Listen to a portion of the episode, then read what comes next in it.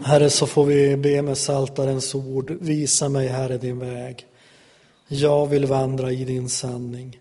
Ge mig ett odelat hjärta så att jag vördar ditt namn. Jag vill tacka dig, Herre min Gud, av hela mitt hjärta och ära ditt namn i evighet. För din nåd över mig är stor, du räddar min själ ur dödsrikets djup. Och så ber vi den här söndagen att du öppnar skrifterna för oss, att du gör våra hjärtan brinnande. Gode helige Ande, kom oss till mötes. I Jesu Kristi namn. Amen. Vi ska läsa evangelietexten för den här söndagen. Och det är ju ifrån Matteus, det sjätte kapitlet. Och ni som kan era biblar vet att det är bergspredikan. Och vi ska läsa därifrån den 19 versen till den 24 versen. Samla er inte skatter på jorden där rost och mal förstör och tjuvar bryter sig in och stjäl. Samla er skatter i himlen där varken rost eller mal förstör och där inga tjuvar bryter sig in och stjäl. För där din skatt är, där kommer också ditt hjärta att vara. Ögat är kroppens lampa. Om ditt öga är friskt så får hela din kropp ljus. Men om ditt öga är sjukt så ligger hela din kropp i mörker. Om nu ljuset inom dig är mörker, hur djupt är då inte mörkret? Ingen kan tjäna två herrar. Antingen så kommer han att hata den ene och älska den andre eller hålla fast vid den ene och förakta den andre. Ni kan inte tjäna både Gud och mammon. Amen.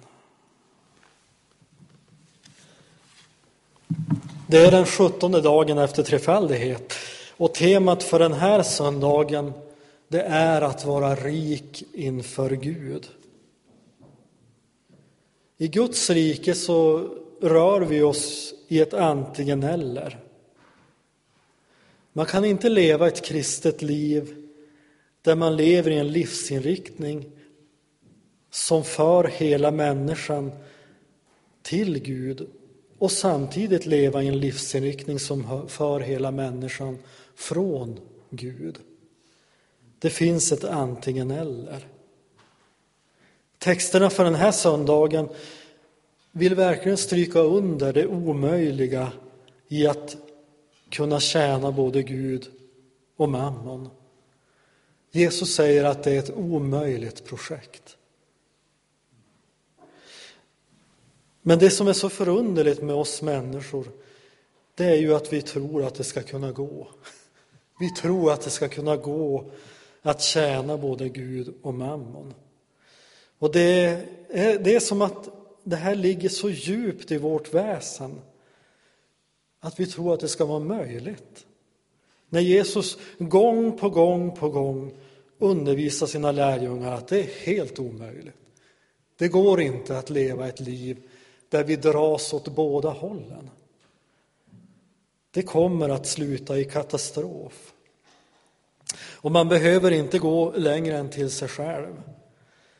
Det har funnits tillfällen i mitt liv där Herren har visat mig på saker som blivit en avgud. Och där man i bön och inför Herren har fått be om förlåtelse och fått göra upp. Den fråga vi, som vi idag ställs inför det är ju vart vi har vår förankring. Är vårt liv förankrat i den framtid som ska komma? Då Jesus kommer tillbaka i härlighet och makt för att upprätta det rike och den tillvaro som aldrig kommer att vackla. Eller är vårt liv förankrat i det som är här och nu, det som kommer att braka ihop, det som inte kommer att hålla, det som inte går att bygga någon trygghet på? Så frågan vi kan ställa oss och frågan du kan ställa dig, var har du din yttersta trygghet? Vi människor fungerar ju så att vi söker en, till, en trygghet i tillvaron. Man vill, exempelvis så vill man ju skaffa sig en säkerhet inför framtiden genom att spara till pension. Eh, jag är ju 45 år gammal så jag börjar få de där, de där erbjudandena om att eh, trygga sin framtid genom att spara till sin pension. Och det här är ju viktiga saker och det är inte tänkt att det här ska föraktas. Eh, vi ska inte handla ansvarslöst inför framtiden. Det är bra att tänka på pensionen. Det är bra att, att tänka på sin ekonomi och det är bra liksom att spara. Och... Men frågan är, var har du din yttersta trygghet? Därför det är en viktig fråga. Därför det som är din yttersta trygghet, det är också det som är Gud i ditt liv. Där människan med hela sitt väsen har sin förankring. Det är där hon kommer att ha sitt hjärta. I dagens evangelietext som är hämtad ur Jesu bergspredikan den undervisning som Jesus riktar till sina efterföljare. Att leva bergspredikans liv det är bara möjligt för den som har en rättfärdighet som går långt utöver det skriftlärda och fariseernas. Om inte er rättfärdighet går långt utöver det skriftlärda och fariseerna så kommer ni aldrig in i himmelriket, säger Jesus. Vi behöver alltså en högre rättfärdighet. Och det fantastiska, det är det som är evangeliet. Denna högre rättfärdighet, den ges som en gåva genom tron på Jesus. Paulus skriver, men nu har det uppenbarats en rättfärdighet från Gud utan lag, en som lagen och profeterna vittnar om. En rättfärdighet från Gud genom tro på Jesus Kristus. För alla som tror. Här finns ingen skillnad. Alla har syndat och saknar härligheten från Gud och de förklaras rättfärdiga som en gåva av hans nåd därför att de är friköpta av Kristus Jesus. Honom har Gud ställt fram som en nådastol genom tron på hans blod så ville han visa sin rättfärdighet eftersom han i sitt tålamod hade lämnat de tidigare begångna synderna ostraffade. I den tid som nu är så vill han visa sin rättfärdighet, att han både är rättfärdig och förklarar den rättfärdig som tror på Jesus. Och jag citerade ifrån Romarbrevet 3, 21 till 26. Så Jesus är den rättfärdighet som går långt utöver de skriftlärda och fariseernas rättfärdighet. Och i gemenskapen med honom så får jag hans rättfärdighet som en gåva av bara nåd. Och det har sin grund i Jesu död och uppståndelse. Han tar min synd på sig och utplånar den jag får hans rättfärdighet som en gåva. Och så kan jag gå fri från syndens straff, som ytterst är döden. Jag kan gå fri från detta. Och så kan jag få leva det nya livet för honom.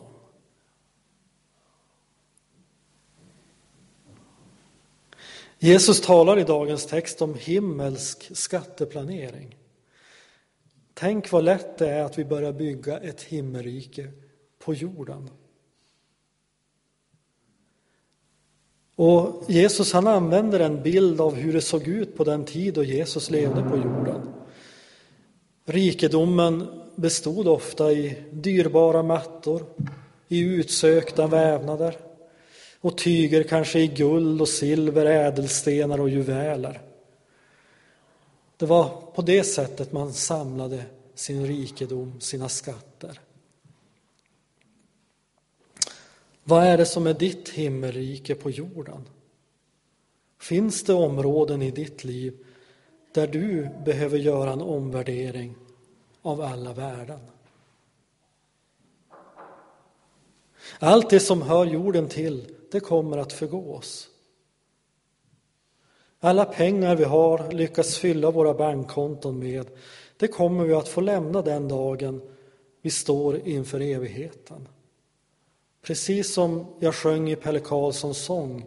När du går över floden går du ensam. När du går över floden lämnas allt. Inga vänner följer dig. Rikedomen räknas ej. När du går över floden lämnas allt. Om någon vill följa mig ska han förneka sig själv och ta sitt kors och följa mig. Den som vill rädda sitt liv ska mista det. Men den som mister sitt liv för mig, min och för evangeliets skull ska rädda det.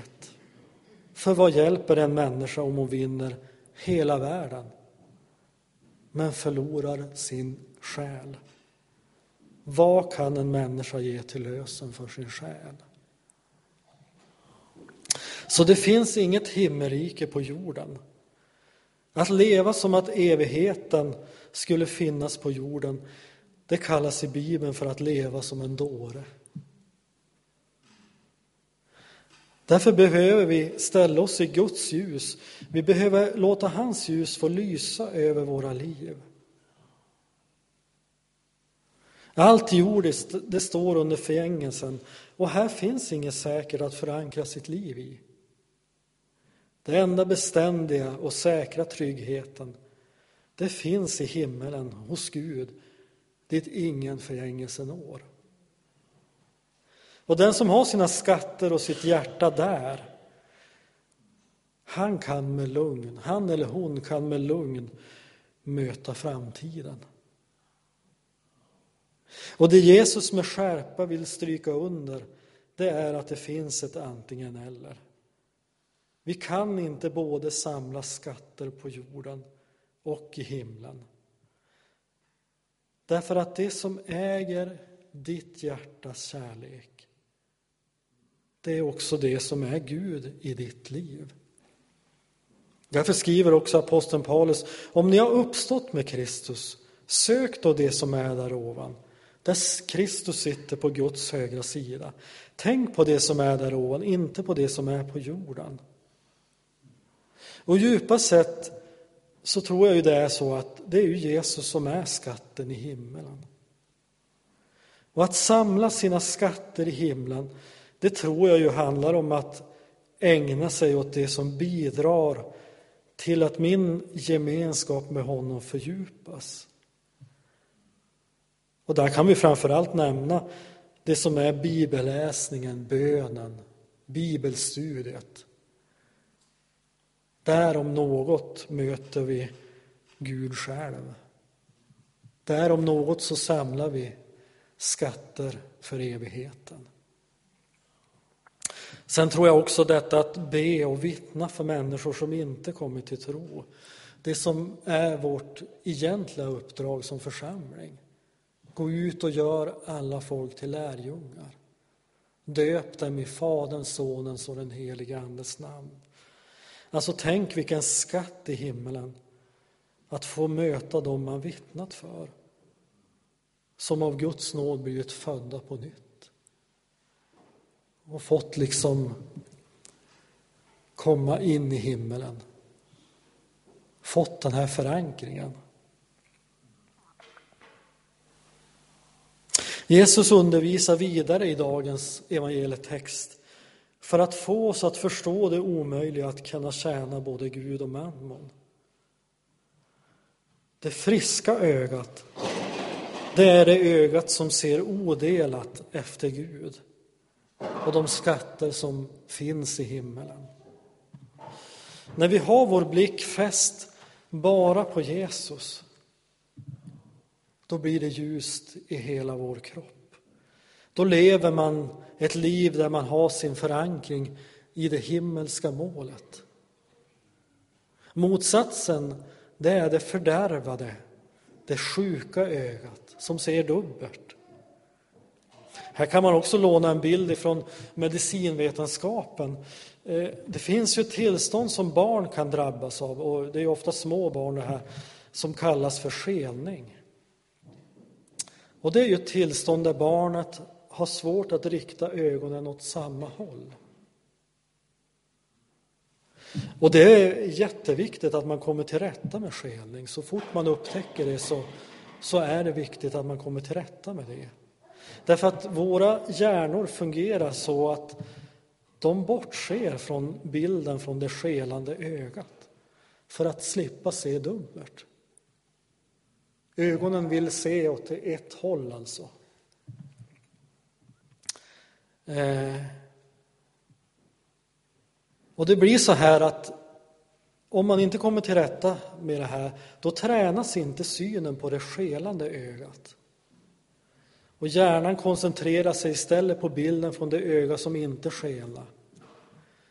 Och det gör att synskärpan, det utvecklas bara på det öga, på, alltså på det öga som, in, som, som skelar, som inte skelar.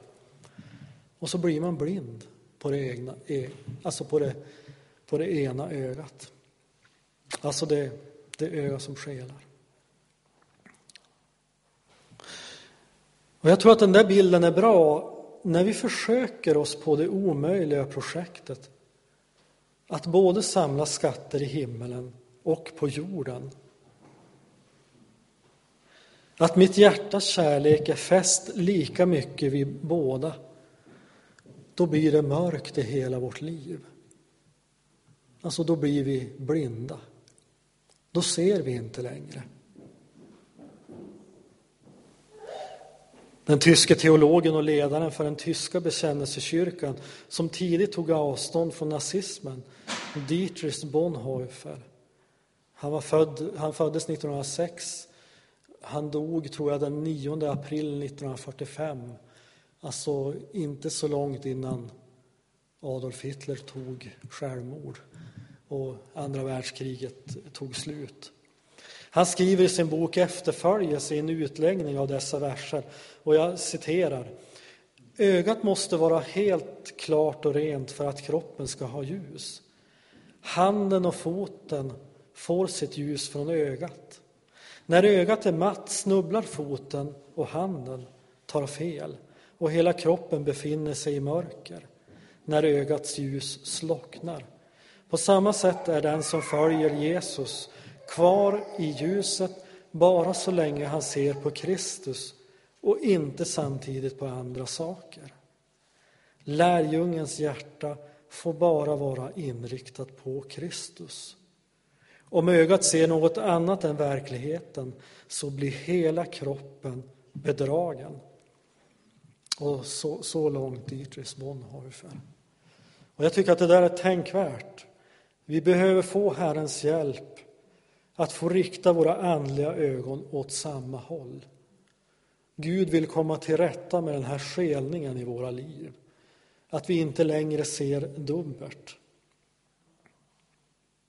Hebreerbrevet skriver låt oss ha blicken fäst på Jesus, trons upphovsman och fullkomnare, för att nå den glädje som låg framför honom. För att nå den glädje som låg framför honom uthärdade han korset utan att bry sig om skammen och sitter nu på högra sidan om Guds tron. Tänk på honom som fick utstå sådan fiendskap från syndare så att ni inte tröttnar och tappar modet. Så avslutningsvis Jesus undervi så undervisar Jesus med att använda bilden från slavsamhället. En slav kunde ägas av två herrar, men redan detta var en omöjlig situation att befinna sig i. Att vara slav under antiken, det innebär ju att man var någons egendom. Och då var det den som ägde slaven som hade rätten att bestämma vad slaven skulle utföra och slaven var tvungen att utföra det hans herre bestämde. Och då förstår man ju också det hopplösa i att som slav ägas av två herrar. Eftersom det i längden inte går att uppfylla två herrars önskningar. Och det som händer är att slaven kommer att ty sig till den ena av herrarna. Och det Jesus vill visa oss med alla de här tre bilderna, det är det hopplösa i att leva ett liv mitt emellan. Att både tjäna Gud och mammon. Och här uttrycket mammon, det står ju för pengar, rikedom och kapital. Och det här Jesus använder det här, den här bilden, det, är, det här används det om något som människan slavar under. Om något som har blivit människans Gud. Ja, varför går det inte att tjäna Gud och mammon? Jesus säger att det har med vårt hjärta att göra. Vi kan inte älska både och. Johannes formulerar samma tankegång i dagens e- episteltext. Älska inte världen, inte heller det som är i världen. Om någon älskar världen så finns inte Faderns kärlek i honom. Allt som är i världen, köttets begär och ögonens begär och högmod över livets goda, det kommer inte från Fadern utan från världen.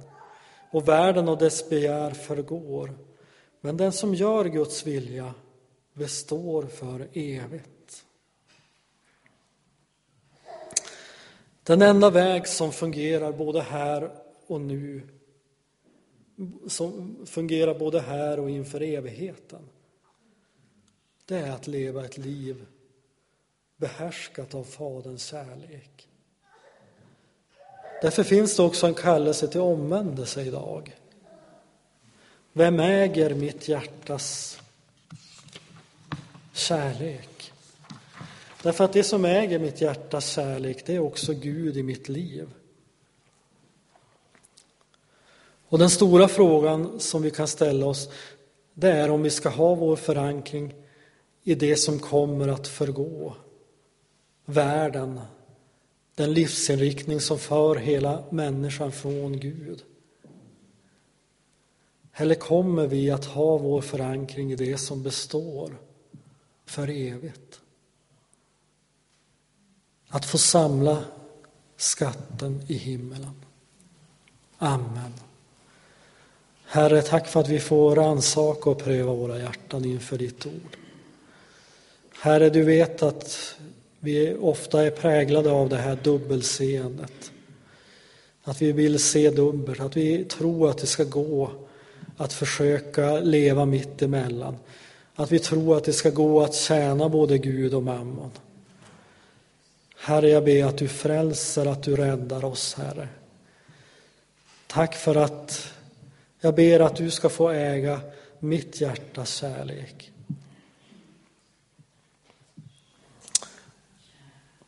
Herre, kom till oss, Herre, och rannsaka våra hjärtan, Herre.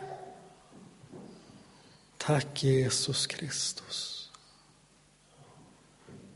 Och jag ber att vi ska få leva helt för dig och att vi ska få ta vårt kors på oss och följa dig.